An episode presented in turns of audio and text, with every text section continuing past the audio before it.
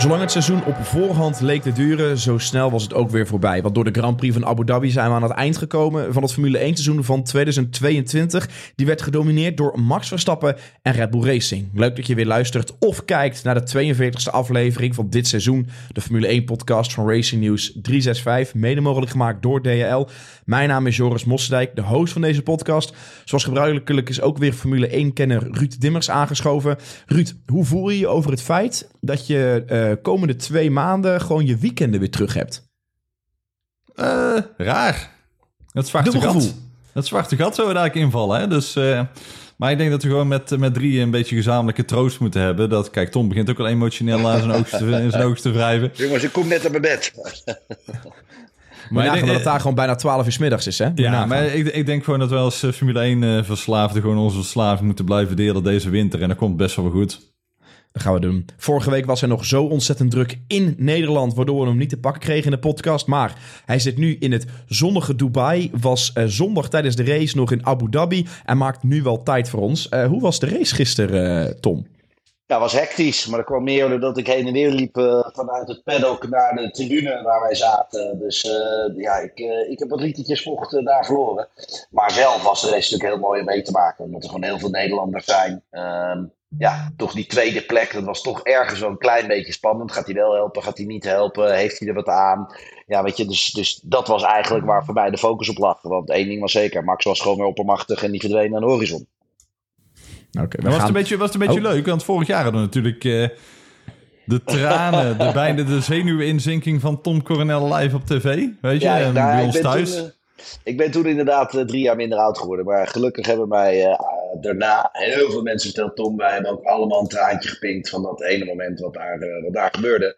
Dus ja, dat, ik was niet de enige, laat ik het maar even zo zeggen. Maar het, het, het, was een ander gevoel, weet je. Hij was natuurlijk al kampioen.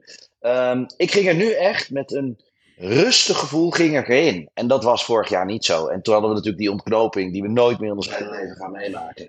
Ja, dat, dat is dat kan je niet beschrijven. En ik ben blij dat ik erbij ben geweest. Ik ben ook blij dat dit jaar er gewoon bij was. Lekker chill. Ben je er vol, volgend jaar ook weer bij? Laatste race van het seizoen, Grand Prix uh, Ik ga dat natuurlijk even bespreken met mijn meisje. Die ligt hier nu in de kamer hiernaast. Uh, maar die, uh, ja, die vond het wel leuk dat we altijd één keer per jaar minstens naar een Grand Prix gaan. En je ziet het achter me. Ik bedoel, hier beneden is het allemaal echt zo ontzettend mooi. Wij zitten op de Palm, op het begin van de Palm. Ik zit op het uh, Hilton uh, Hotel daar. Ah, het is zo mooi hier. Je hebt hier hele mooie strandtenten hiernaast zitten. Dus ja, voor je partner die ook mee is, ja, die vindt dat ook wel heel erg leuk. Ik ben uh, zaterdag en zondag naar het circuit geweest. Vrijdag ben, ben ik met een aantal relaties, hebben ze hier een boot gehuurd, zijn we gaan varen, een beetje om de palm heen. Ja, dat, ja, weet je, het geeft net even dat extra sfeertje. Weet je dat sfeertje wat je in Monaco eigenlijk ook altijd hebt? Weet je, een beetje die glitter en die glamour, een beetje dat nouveau riche-achtige. Maar dan heel, uh, heel, heel, heel nieuw. Weet je, uh, Monaco heeft natuurlijk die glitter en die glamour met een historie. En dat is hier natuurlijk. Is hier geen historie. Want nu zie je achter me, er wordt hier weer, die wordt weer gebouwd. Welke, welke is van jou uh, op uh, de 25e verdieping, of niet? Je kan inderdaad, als je 30% investeert, kan je een appartementje nemen. En dan hoef je pas over 10 jaar hoef je pas de rest te betalen. Ze maken je allemaal hele aparte deals. Ik heb er iemand gesproken die hier ook woont. Die zegt ook, ja, maar staat dan alles leeg? Hij zegt, nee, het zijn residence adressen. Dus mensen die dan hier wonen. En die moeten hier minstens één keer in de drie maanden moeten ze hier zijn. En dat is het dan, geloof ik. Oké, oké. Weet je trouwens, uh, uh, Tom, wat het grote verschil is tussen uh, Dubai en Abu Dhabi? Nou, volgens mij is het, is het gewoon een familie, that's it. Maar exact weet ik niet. Nee, nee, ik wilde zeggen, in Dubai houden ze niet van de Flintstones, maar in Abu Dhabi doe. oh, ja, Goed. Jongens, wij gaan naar de Formule Sorry mensen, 1. als jullie afge, afge, afgehaakt zijn. Het niveau is, is niet heel, heel, heel hoog. Maar uh, voor alle reizen, visitcoronel.com. En dan gaan we nou even over Formule 1 hebben.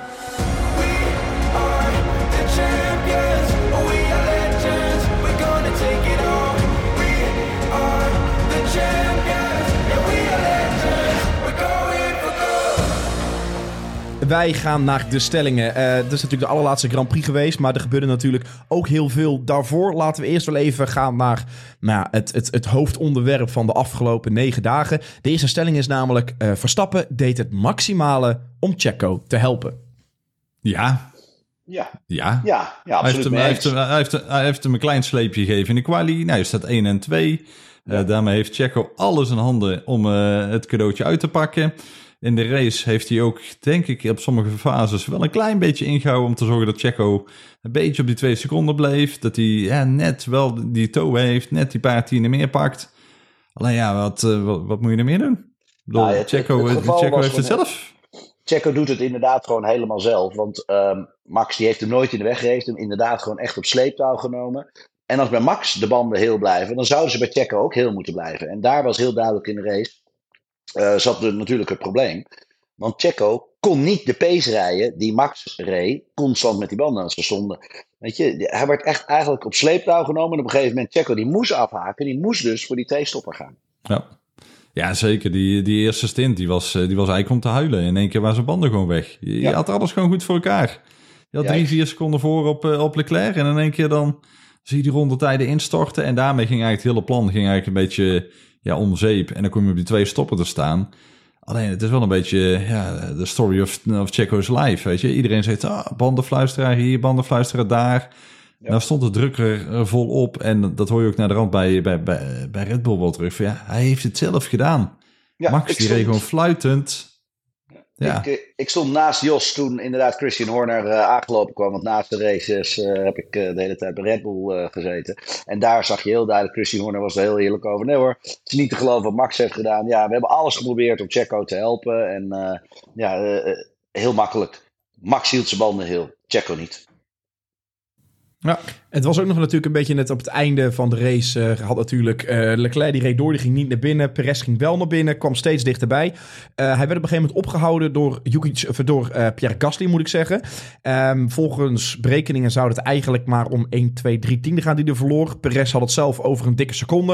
Nou ja, reken die dikke seconde door. Dan had je erop uitgekomen dat Perez dus in DRS was gekomen. Bullshit of ergens, ik zie Ruud al... Nou, nee, Joris, weet je wat het is? Kijk, daar ga je het bij iemand anders zoeken. Je hebt uh, eh, 305 kilometer de tijd gehad om die tweede plek naar huis uh, te harken. Uh, en je verpest zelf in je eerste stint. Ja, mijn bakker was ook gewoon kristal uh, helder over, zeg maar. Van, ja, ja, jouw pace, je hebt te veel van die banden gevraagd in het begin, wat eigenlijk nog ineens nodig was. daarmee kom je zelf zeg maar in dat hoekje dat je een beetje die klappen gaat krijgen. En dan vervolgens dan zie je dat de rest eigenlijk ook niet... ja, weet je, de laatste stint bij Max was het zo van we gaan maar kijken hoe ver we komen. En dat was ook bij Leclerc zo. En Max zei op een gegeven moment toch van, de banden hou het. Vertel Checo dat hij vol gas moet gaan. Ja, maar dat moet Checo toch ook zelf voelen? Weet je, dat... Hij reed toen ook niet de tijden die, die, ja, in het begin liep hij even wat in. Alleen hij moest even, wat was het, uh, een goede 20 seconden dichtrijden. Of 18, weet je, zoiets. Je, bent je bent er zelf bij. En ook vorig jaar hebben we gezien dat, dat die banden gewoon heel lang meegaan in Abu Dhabi. Zeker die harde band. Dus het is ja, als ik, als ik Perez was, dan had ik misschien dingen toch anders aangepakt. En dan uh, was het de dood of gladiolen. Liever dan met vijf, uh, eh, 500 te gaan, de banden, de vellen eraf ja, vliegen, dan een beetje half bakken. En ja, ik weet niet. Het, uh, ik denk het gewoon ja, het, het perfecte bewijs was. Maar het leukste was nog, Papa Perez die had zo'n een paar gepeperde quotes van tevoren. Hè? Over dat Max wel de hete adem van Checo in zijn, uh, in zijn nek Er werd hier over gesproken hoor bij Red Bull, kan ik je vertellen. Ja, ik denk dat ze, nou, nadat ze uitgelachen waren, denk ik dat ze even een keer eh, met een vermanend vingertje keken van, jongens, we hebben al zoveel gezeur gehad de afgelopen weken, maar check, laten we het, Tom, laten we gewoon zeggen, Checo heeft alle moeilijke races gewonnen dit jaar en ja, Max die, die andere 15. Ja, ja, die andere 15, dat, daar zeg je het heel duidelijk. En daar word je kampioen mee. En dat is namelijk het spelletje. Nou, weet je, ik voelde hier, hier en daar wel wat spanning. Uh, die spanning is natuurlijk afgegaan toen Checo eigenlijk gewoon zowel donderdag als vrijdag heeft toegegeven. Ja, ik had het niet mogen zeggen. Ja, weet je, ik was, uh, ik was niet handig. En nee, Max helpt me. En toen dan zie je in één keer zie je het omslaan. Een soort van dat hij is teruggeroepen van, maar wacht eventjes, zien wij het nou verkeerd of zie jij het nou verkeerd? Want dat merkte ik wel, die spanning intern natuurlijk. En ik had het zelf natuurlijk ook, want Fox TV die kwam naar me toe. Die zei, joh Tom, wat heb jij nou gezegd op Viaplay? Die schijnt dus echt wel de hele wereld over te zijn gegaan. Um, toen zei ik, ja, ik heb gewoon gezegd zoals is. En uh, ja, iedereen vroeg zich af waarom Max die tekst uh, zei na de race in Brazilië, in de uitloopronde. Ja, ik bedoel, daar moet ik toch uitleg over geven. Dat is dus mijn taak. Ik zeg, ik, ik ben niet degene die iets gedaan heeft of iets. Ik, ik dacht alleen, joh, dat is een zwarte boekje met de 1-0. Dat bleek ook te kloppen. Dat is donderdag ook bevestigd in de Telegraaf. Dus het hele verhaal was gewoon exact zo als ik het had gezegd. Alleen dat heeft best wel een beetje rumor uh, veroorzaakt. Uh, uiteindelijk had ik zoiets van, ja, nou ja, het zal wel. Het is gewoon de waarheid. En dat zag je ook tijdens de race zelf, hè, want ook daar had, um, had Checo het eigenlijk zelf al. Die probeerde al in het begin van de race al net eventjes te veel te vragen. Op het moment dat Ferrari zei: jongens, we gaan off-sync, dus we doen het tegenovergestelde van Red Bull. Checo gaat naar binnen toe. Dan weet je dat je mensen moet inhalen. En als je dan over Gasly hebt, dan zeg ik: ja, weet je, uh, Gasly was niet de enige. Want uh, Lewis, die had natuurlijk ook nog een bonnetje openstaan met Checo van vorig jaar hier. Dus die moest hij ook inhalen. Ja, dus die denkt: ja, vriend, jij hebt mij, ik geloof, twee keer acht seconden gekost vorig jaar. Dus volgens mij heb, je, heb, je, heb, ik nog een tegoedje openstaan bij je. Of andersom. En ja, dat, dan weet je ook een beetje dat dat je je eigen handicap ook weer gaat inbouwen. Ja, maar hij deed ook twee keer niet handig in de race. Want twee keer wilde hij inhalen en dan haalt hij in aan het einde van het eerste rechtstuk. En twee keer verremt hij zichzelf. Zo onhandig. En, dan word je, en, twee keer, en twee keer werd hij gecounterd op het tweede rechtstuk waar de andere dan DRS heeft. Ja, dat was heel onhandig. En uh, wat mij ook opviel, want ik ben daarna natuurlijk naar de chicane toegegaan. Um, ik stond in de, de VIP Hospitality met Marcel van Vliet en met heel veel, uh, heel veel relaties uit de Dakar ook. Uh, Martin van den Brink was erbij, uh, de jongens van JP Trading, nee, nog wat. En wij keken naar beneden en dan kijk je op de chicane. Nou, je weet als coureur zijn dat je helemaal langs, net even langs de apex schraapt, weet je wel. Als je zag hoe vaak... geleerd op Zandvoort, ja. Juist, ja, ook dat. En als je, als je zag hoe vaak, weet je, iedereen mooi erlangs. En dan was je Checo, die schoot net even door en dan, oh, dan draaide die, die. Je zag gewoon dat hij onder druk stond. Je zag dat hij meer vroeg van zijn banden. Dus het was eigenlijk al de vraag. Terwijl je gewoon zat te kijken, dat je zei van... Mm, dat, gaat niet goed, dat is niet goed voor je bandjes. En nou ja, dat zagen we gebeuren. Maar uh, werd jou nog iets kwalijk genomen eh, met, je, met betrekking tot je uitspraken dan? Want ja, jij was al uh, de man die het bommetje een beetje liet, liet, liet barsten. Hè? Dan zie je wat, ja, wat, je, voor ik... wereld, wat voor wereldster jij bent. Ja, dan zit hier nou gewoon in de podcast. Nou ja, weet je wat het is? Ik, ik begrijp hoe een autocreur denkt. Dus ik heb het over, over iets, een probleem die nog opgelost moet worden. Um, ik wilde eigenlijk niet meer op terugkomen, want dan blijft hij namelijk in de lucht hangen. Um, zelfs Jos was nog een beetje aan het plagen. Um,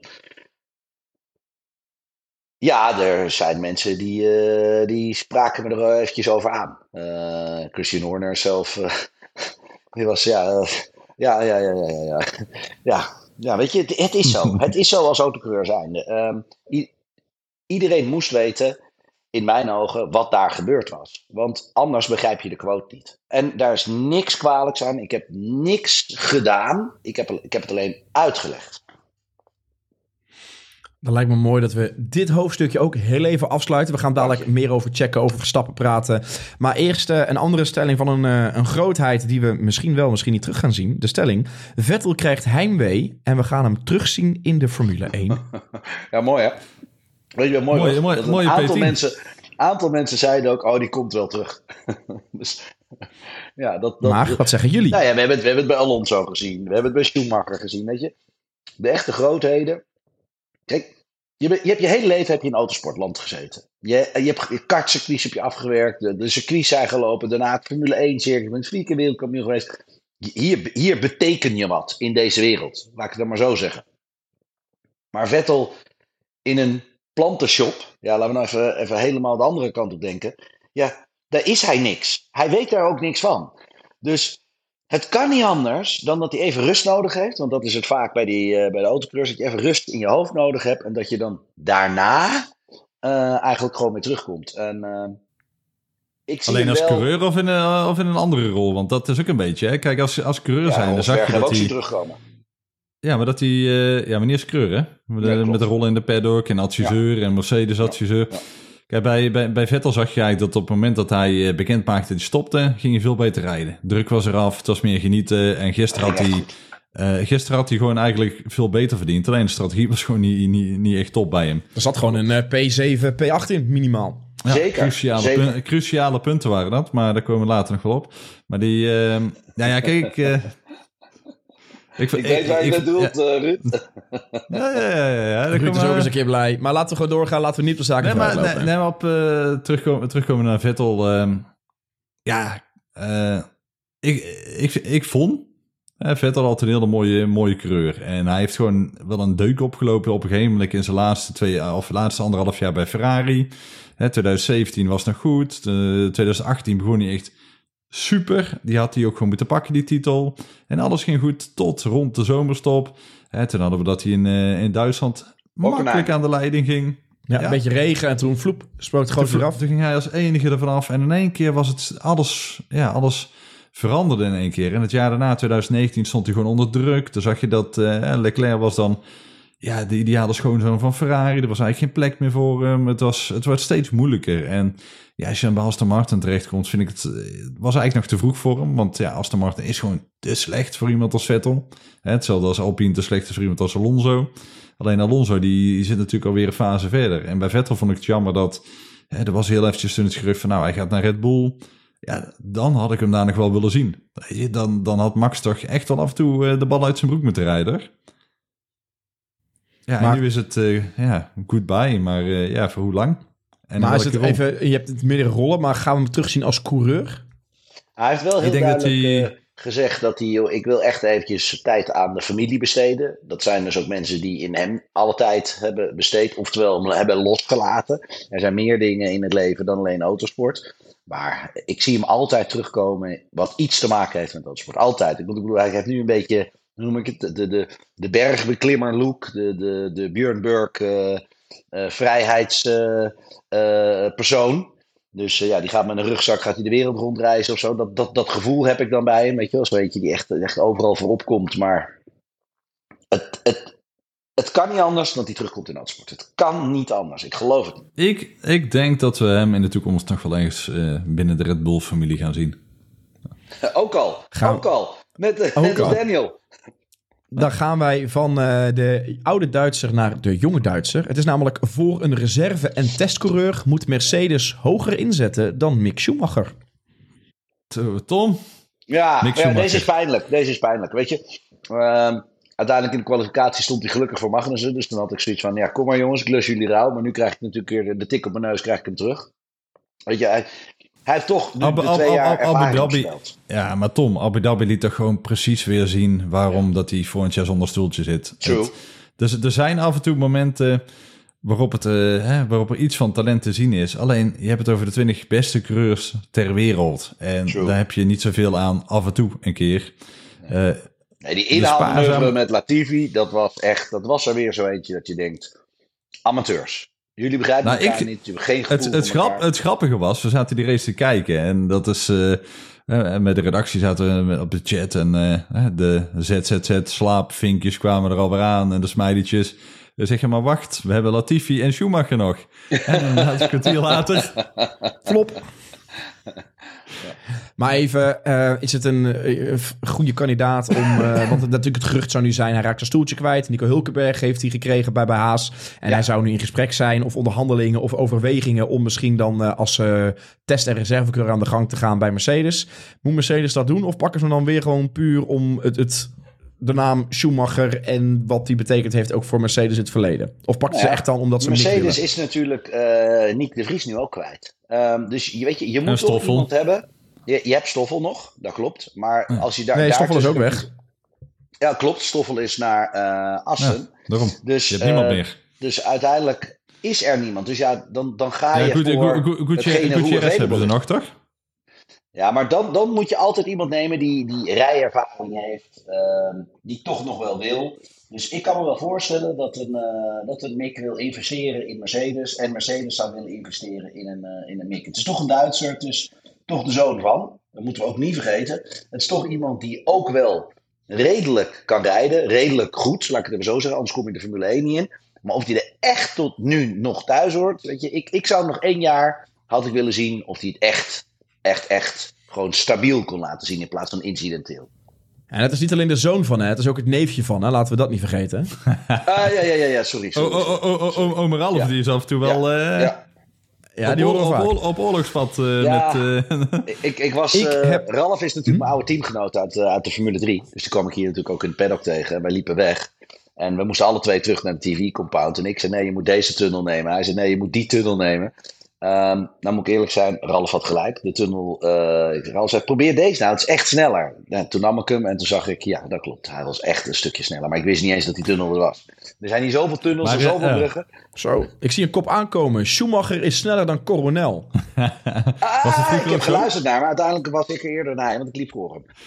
maar uh, Tom, Tom, bij Ralf Schumacher, Ralf is altijd een beetje... Kijk, Michael die was en nog wel sociaal en zo. Ralf was altijd een beetje sociaal onhandig. Tenminste, zo kwam je in de media altijd over. Hè? Ja. En die had, toen, die had toen op een gegeven moment zo'n hond. Formaat kalf, weet je. Oh, ik dacht nou dat je naar zijn vriendin ging. De, ja, nee, daar komen we dadelijk op. En toen, toen was er ook zo'n foto, eh, volgens mij, met die vriendin en die hond. En hij, en toen was de vraag, was in de paddock genomen, een bijschrift was, wie laat wie uit, weet je? Ja. Maar dat, hij had zo'n vriendin echt met, met ballen, laten we maar zeggen. Ja, die zag er goed uit. En, en dan liep, en dan liep Ralf, ja, Ralf liep er dan bij en eigenlijk heel bleu en zo. En ja, hij was, hij was altijd een beetje onhandig in de, toen al in de media. En dat heeft hij nou ook nog steeds wel... Uh, ja. En hij komt natuurlijk op voor het uh, familiebelang, laten we het zo maar zeggen. Maar dat... Uh, ja, wat, ik, wat ik begrijp Ik heb het ook dat, geprobeerd uh, en het werkt niet. ah, Rocco uh, heeft nog kansen. Maar ja. nee, dat, uh, dat, dat, dat, ja, de relatie tussen Schumacher en Ferrari die is een stuk minder. En tussen ja, Schumacher en Haas die is al een hele tijd een heel stuk minder. Maar dat, Wij gaan wel even naar Ferrari, waar jij net over had, Ruud. Want um, daar wilde ik even op inhaken. De beste strateeg van Ferrari is Carlos Sainz. Plan E, plan B, plan C. Ik vind nee, het viel me ook weer op tijdens de, tijdens de Grand Prix. Hij wil letterlijk alles weten. Hij wil weten naar de pitstopstrategieën van zijn concurrenten. Hij wil weten waar hij rijdt, hoe ver hij rijdt, hoe de banden eruit zien. Ik moet zeggen dat hij volgens mij het meeste communiceert ten opzichte van uh, het, het, hele team ongeveer. Hij communiceert ja, je, beter is... en rustiger dan Leclerc. Ja. ja, dat, dat, dat is zeker zo. Ik, ik vind het ook een slimmere jongen. Uh, dat is ook een van de redenen waarom ik hem echt wel hoger inschat dan de meeste anderen. Omdat ik echt wel zie dat er heel veel intelligentie is bij hem. Maar weet je, dat kan ook je handicap zijn. Als je te veel weet, weet je, dan, uh, dan moet je er ook energie aan besteden. Het moet ook af en toe gewoon natuurlijk gebeuren. En dat is, dat is inderdaad een klein beetje zowel zijn positieve kant als, uh, als zijn negatieve kant. Ja. Nou, dat was een vrij, vrij korte stelling. Ja, ja, ja, ja, ja, ja, ja, we waren onder de indruk van jouw oh. wijze woorden, toch? Wijze we zijn woorden, niet, okay. Ik ben niet gewend dat jij een stelling in drie zinnen af kan ronden. Dus ik was even... oh. dan, na 42 afleveringen nog kan. Nee, dan gaan we gewoon mooi naar de, naar de volgende. Nou, het, is, het is echt wel, echt wel een van de beste teamgenoten die ook achter, uh, achter Max heeft gezeten. Ze hebben best wel met z'n tweeën toen serieus gaan stoeien. Toen ze in die groeiperiode zaten, 2016. Ja, dat, dat, dat, dat ging er wel hot aan toe tussen die twee. Ja, klaar. Je mag door. Iconischer had dit Formule 1-stuk voor Fernando Alonso niet kunnen eindigen. Iconischer of ironischer? Ja, iconischer, maak er een combinatie ervan. Ah, maar het was toch wel weer volkomen piep voor hem. Want, Ronde ja. 28, ja. ja. Nou ja, ik, uh, ik, ik had gehoopt dat ze dan die, die, die Alpine eventjes in de garage opgelapt hadden... en vervolgens die donuts mocht draaien tot het hele ding uit elkaar donderde.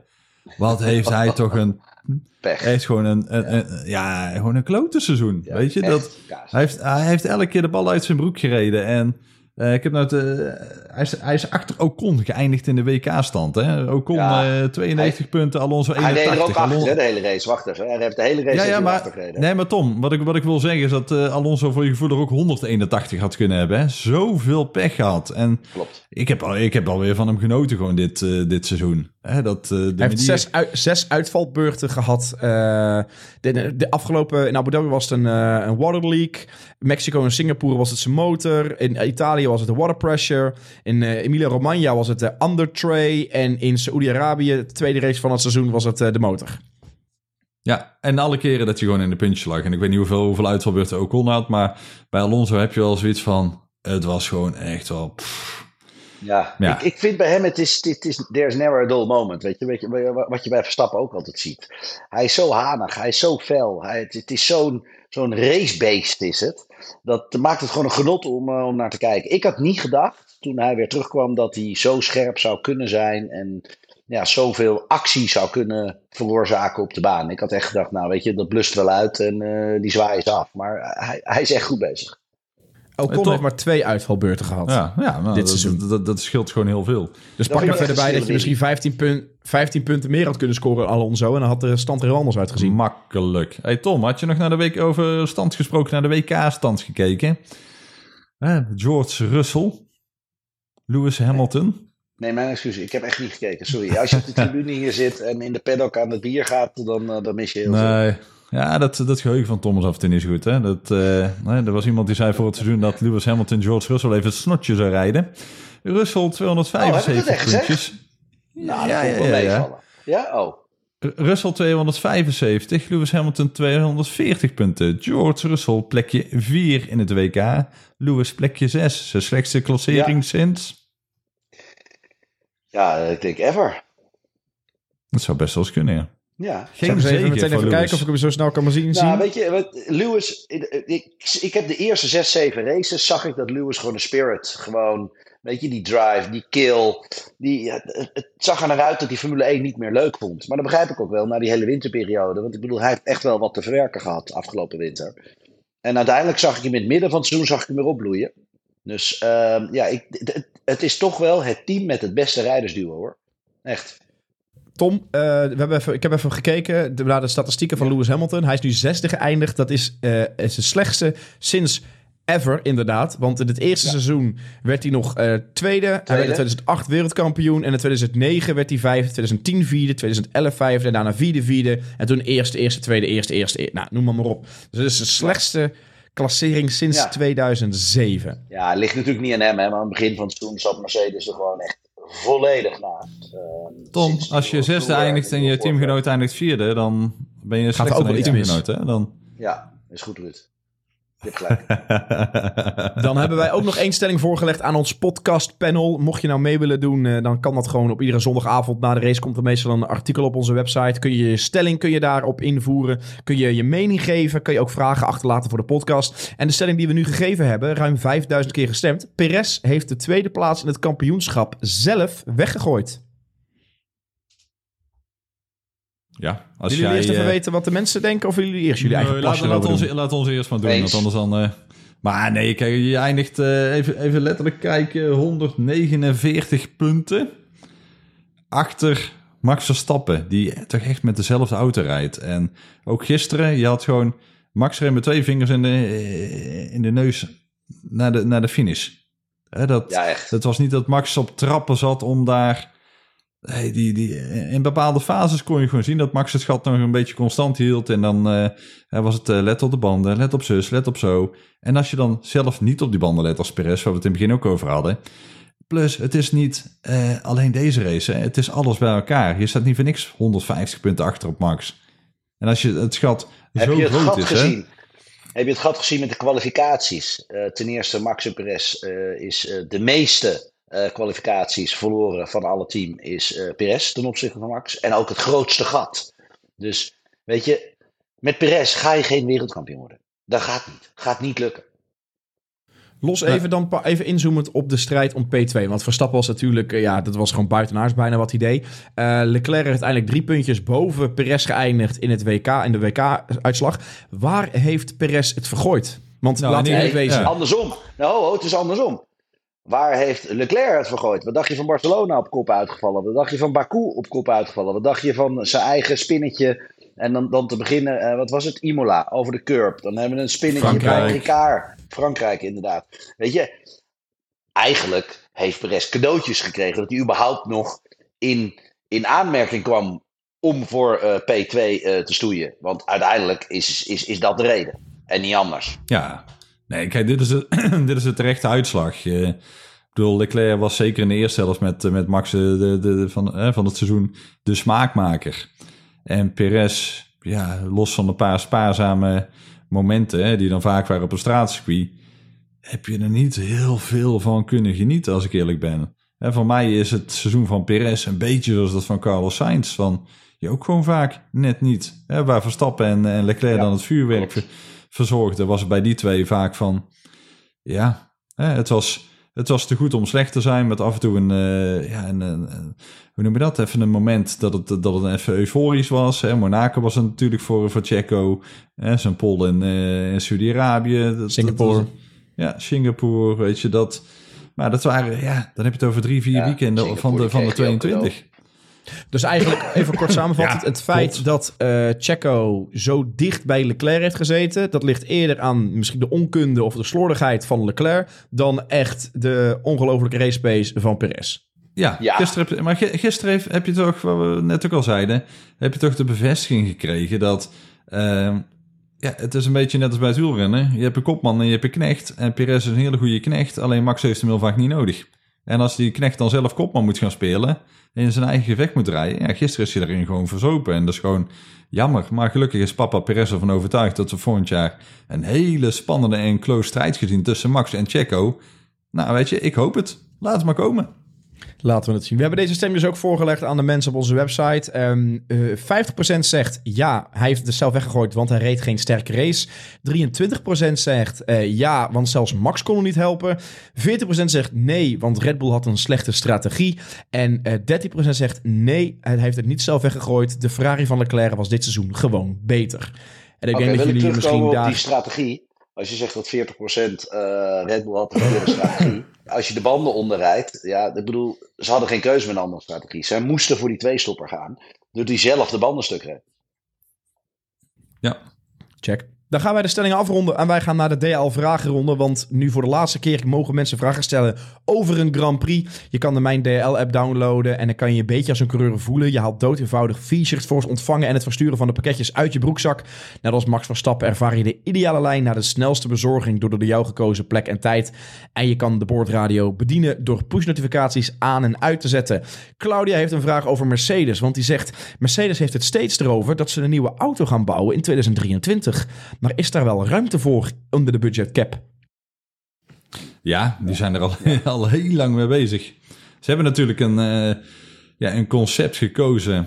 Hè, door eigenlijk zonder sidepads, uh, sidepods te gaan rijden. Uh, nou, of dat helemaal de gouden zet is geweest. Ze zijn er niet helemaal over eens. Maar ze hadden uh, gewoon een concept dat mega veel last had van het hele purposing. Hè, het hele gestuiter. En dat, dat hadden ze nou best wel... Ja, wel meer. Alleen in Abu Dhabi viel het dan ook wel weer een beetje tegen. Omdat je eigenlijk een soort van biljartlaken hebt. En toch hè, gingen ze daar... Wat in het verleden hun circuit was, gingen ze niet heel lekker daar.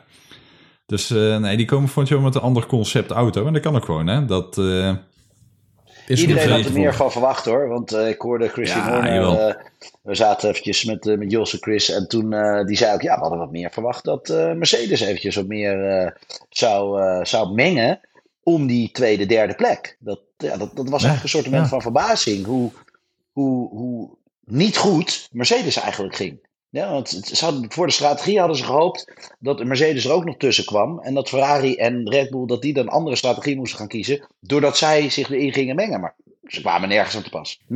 Nee, nee, ja, en, en Mercedes nam, nam uiteindelijk ook ja, met de twee stoppen, zeg maar dan. Ja, weet je, dat, of in ieder geval voor Russell dan. Maar het was Nee, ja, ik, ik had er meer van verwacht. Maar volgend jaar, ja, ze kunnen gewoon een, eh, een andere auto bouwen. Daar heb je een jaar de tijd voor gehad. En weet je, dat past allemaal uh, keurig netjes in de budgetcap als het goed is. Ja, je moet altijd wel even letten op de lunchbonnetjes. Als je niet te veel gaat de eh, catering uitgeeft natuurlijk. Dat is, en de ziekteverzuim, dat is ook een beetje jammer natuurlijk.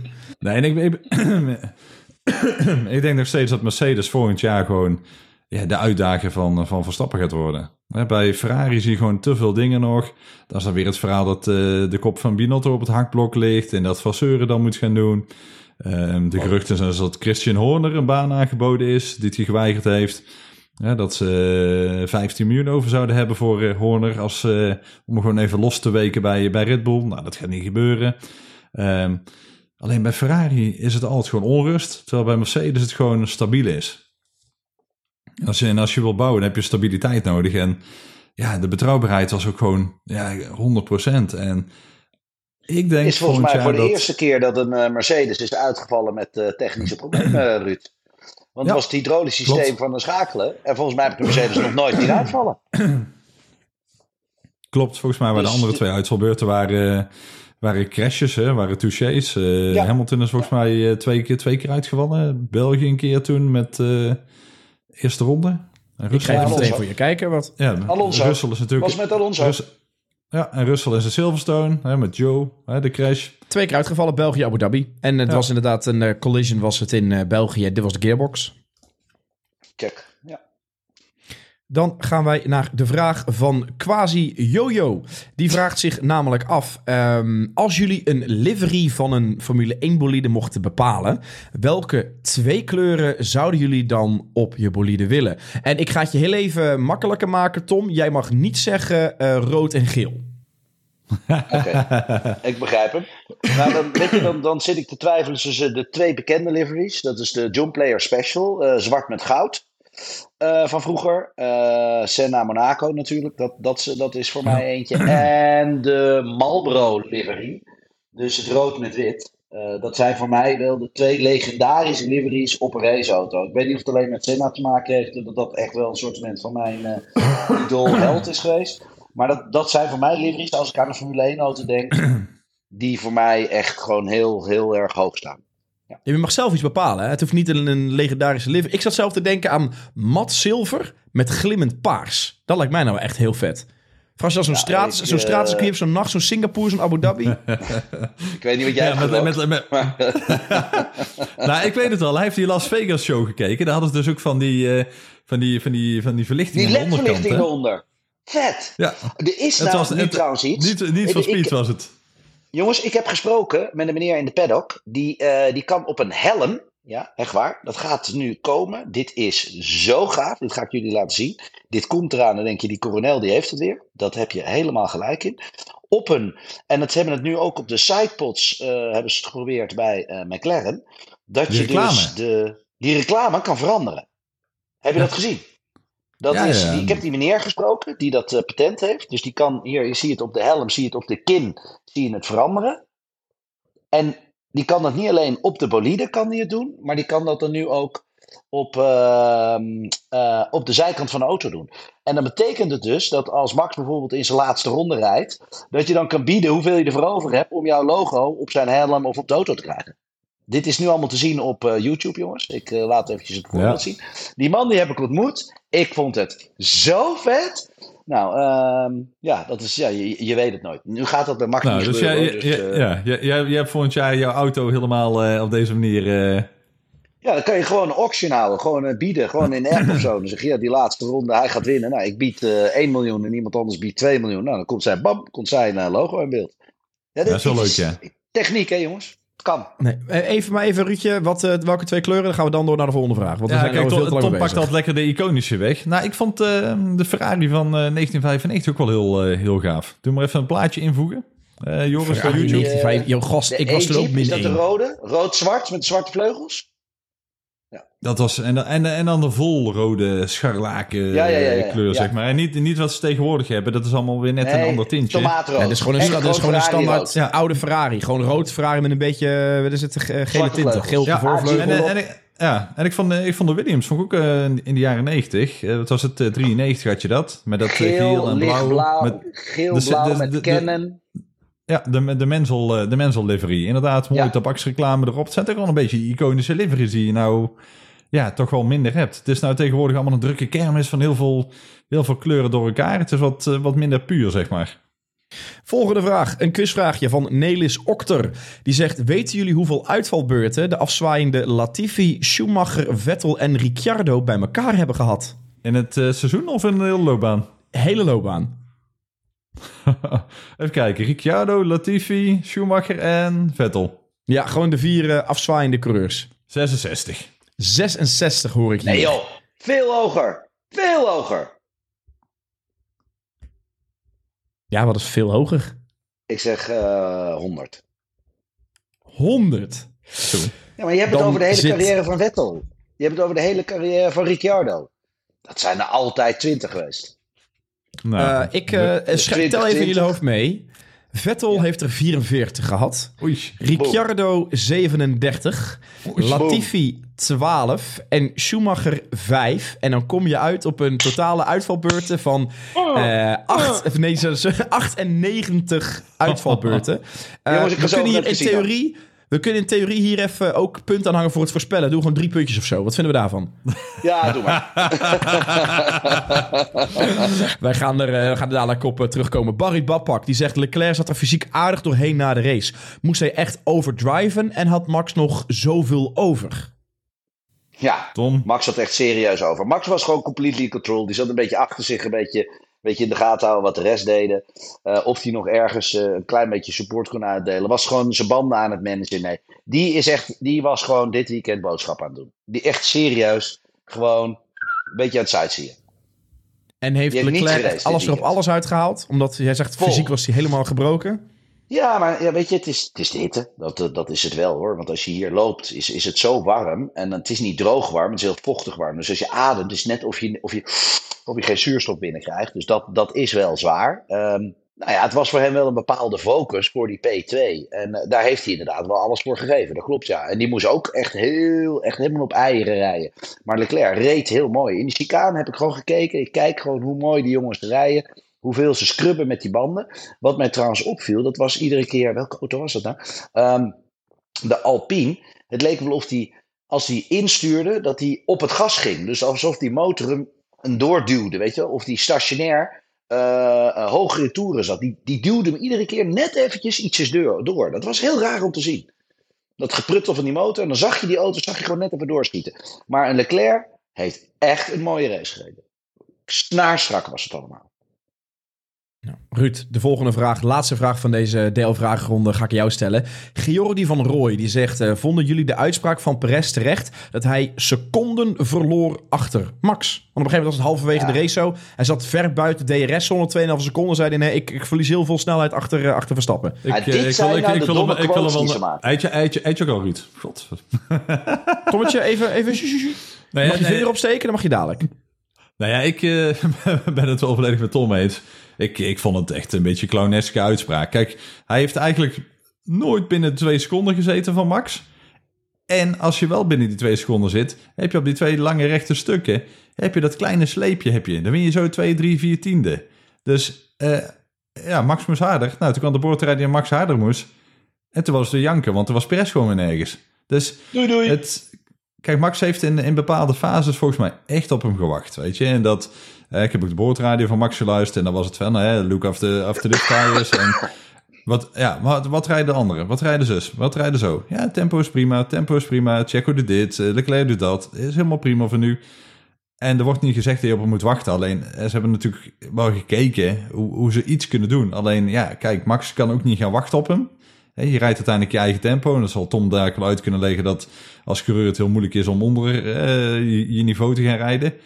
En ja, Max heeft niet altijd uh, direct volle bak gereden. En bij de start leek het even te werken. Dat ze gewoon afstand namen. Het was snel 2, 3, 4 seconden.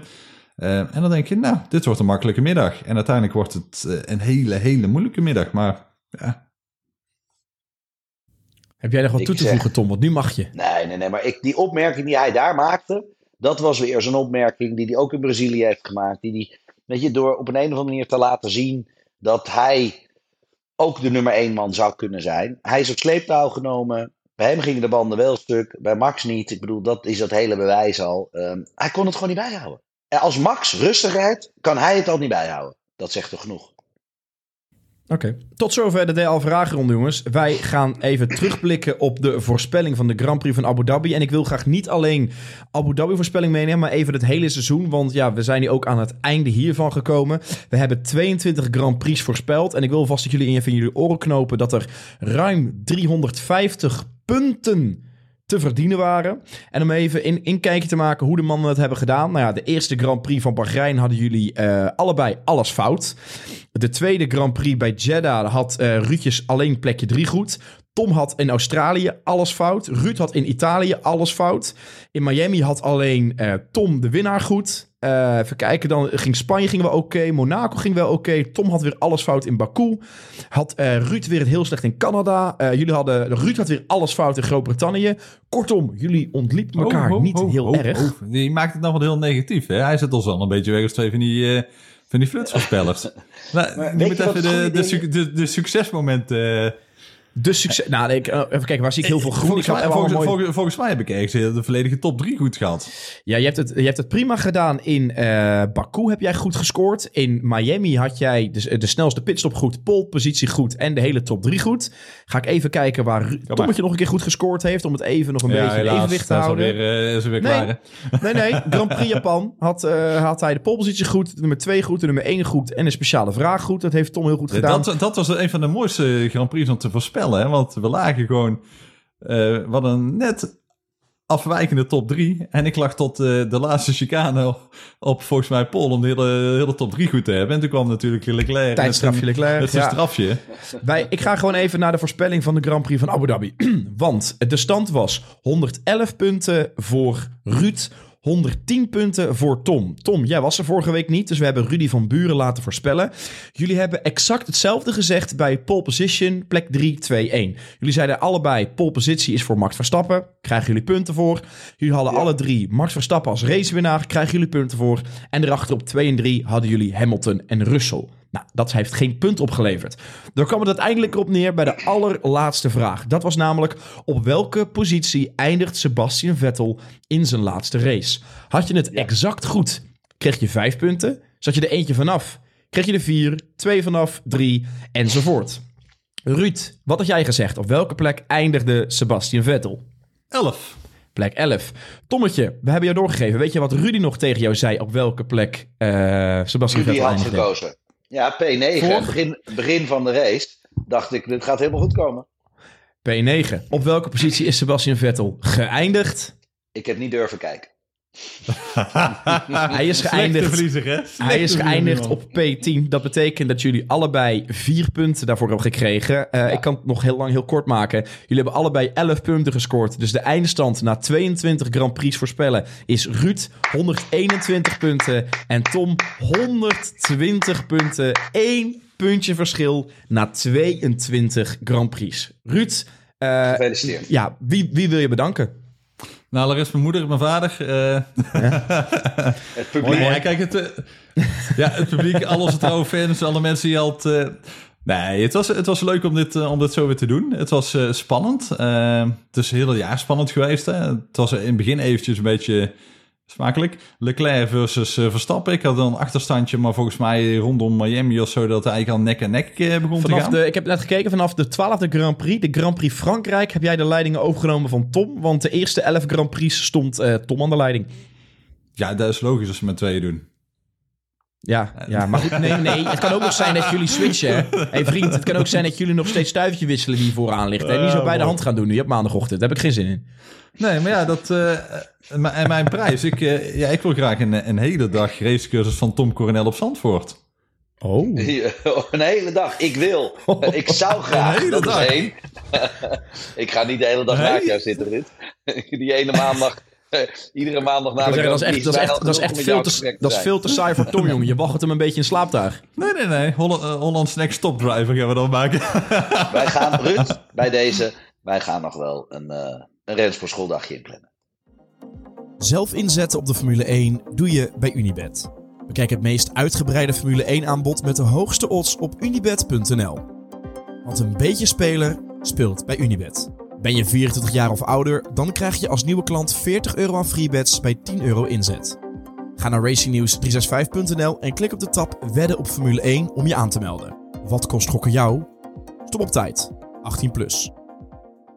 Maar goed, ik ga daar wel mee als getuige. Hè. Dat is natuurlijk wel, ik ben onderdeel van het team. Hè. Dat snap je natuurlijk wel. Die, die begrijp ik. Net zoals dat ik moet kijken of er wel echt nog steeds gegeten gaat worden bij de Red Sun in Laren. En waar moesten we nog een keer gaan eten? Zo'n Wagyu beef, uh, biefstuk. Moeten we ook nog even inplannen. Eigenlijk voordat je naar Dakar gaat, moeten we eigenlijk even één keer gaan eten. geblinddoekt uh, rijden op Zandvoort. Geblinddoekt ja, Zandvoort hebben we ook nog staan. Nou, ik heb een hele drukke, drukke maand weer. Dus uh, volgende week heb ik natuurlijk nog een race vanaf het wereldkampioenschap ook weer hier in de buurt, in Jeddah. Ik vlieg nog wel naar huis vanavond. Dus dan vlieg ik weer terug op donderdag. Dat is de laatste race. Dan heb ik heel veel opnames. Nee, dan vlieg ik door naar Portugal. Zit ik twee dagen in Monte Blanco, twee dagen in Portimao. Dan ben ik 5 december weer terug. Dan heb ik heel veel opnames. En dan ben ik 27 december weer weg. Weer deze kant op, naar Jeddah. Voor de Dakar Rally, natuurlijk samen met mijn, uh, met mijn tweelingboer. En dan ben ik half januari ergens weer terug. Ja, dan hoop ik dat ik het seizoen weer eventjes uh, mooi kan gaan indelen. Dus ik heb een serieus druk agenda. Maar alles wat ik beloof, ben ik altijd nagekomen. Dus het gaat altijd goed komen. Beloof je bij deze ook? Want we kregen alweer vragen. Heel veel luisteraars die vroegen zich af hoe ze de winter gaan overleven zonder Grand Prix. Gaan we wel weer een paar uh, winterspecials maken? Ja, laten we dat maar wel doen. Zolang, uh, zolang de mensen erom vragen, blijven we het gewoon doen. Helemaal goed. Nou jongens, dan gaan wij uh, deze podcast gaan wij afronden bij deze beloofde. Er komen nog wat winterspecials aan. We hebben nu 42 afleveringen gedaan waarbij we alles hebben behandeld van het hele Formule 1 seizoen. Mocht je nou uh, ons lang of kort, maakt niet uit, gevolgd hebben. Tom laat nog heel even zijn uitzichtje zien uh, op een heerlijk strand. Ik denk een graadje of 30. Mocht je nou alles gevolgd hebben, kort of lang, heel erg bedankt daarvoor. Blijf ons volgen op Spotify, Apple Podcast, YouTube. Abonneer je, geef reviews en laat sterren achter. Vinden wij heel tof. Dan zijn we heel snel weer terug. Dan wil ik jou, Tom, bedanken voor je expertise en je grap en grollen. Ruud, ja, ik weet niet precies waar ik jou voor wil bedanken, maar ook leuk dat jij er was. nee, grapje. Nee, Ruud, we houden allemaal heel erg van je. De fanmails komen, komen jouw kant op. Um, ja, ik denk dat we nu voor de laatste keer officieel maar even een afscheidsgroet gaan doen. Trouwens, Tom, heb jij de podcast van vorige... Afscheidsgroet? Nee, ja, op het einde week, doen Ja, maar ja, vorige week terug met de eerste winterspecial. Ja, maar de afscheidsgroet van de podcast is klaar. Oh, oké. nee, ik denk al. Die mensen die, die, die, die gaan dadelijk allemaal... Uh, dan krijgen we de crisis. Uh, nee, we, we, vol, volgende, week zijn we er gewoon weer. Volgende week zijn we er gewoon weer beloofd. Um, Rudy had vorige week de eervolle taak om de doei-doei van Tom over te nemen. Het klonk erg goed, maar er gaat toch ja, niks boven het, het origineel. Dus jongens, ik wil jullie bedanken voor het luisteren, bedanken voor het kijken. En volgende week zijn we gewoon weer terug met een winterspecial. Jij hebt het er even tussen, hè? Doei, doei! Doei, doei! Het is goed zo, onze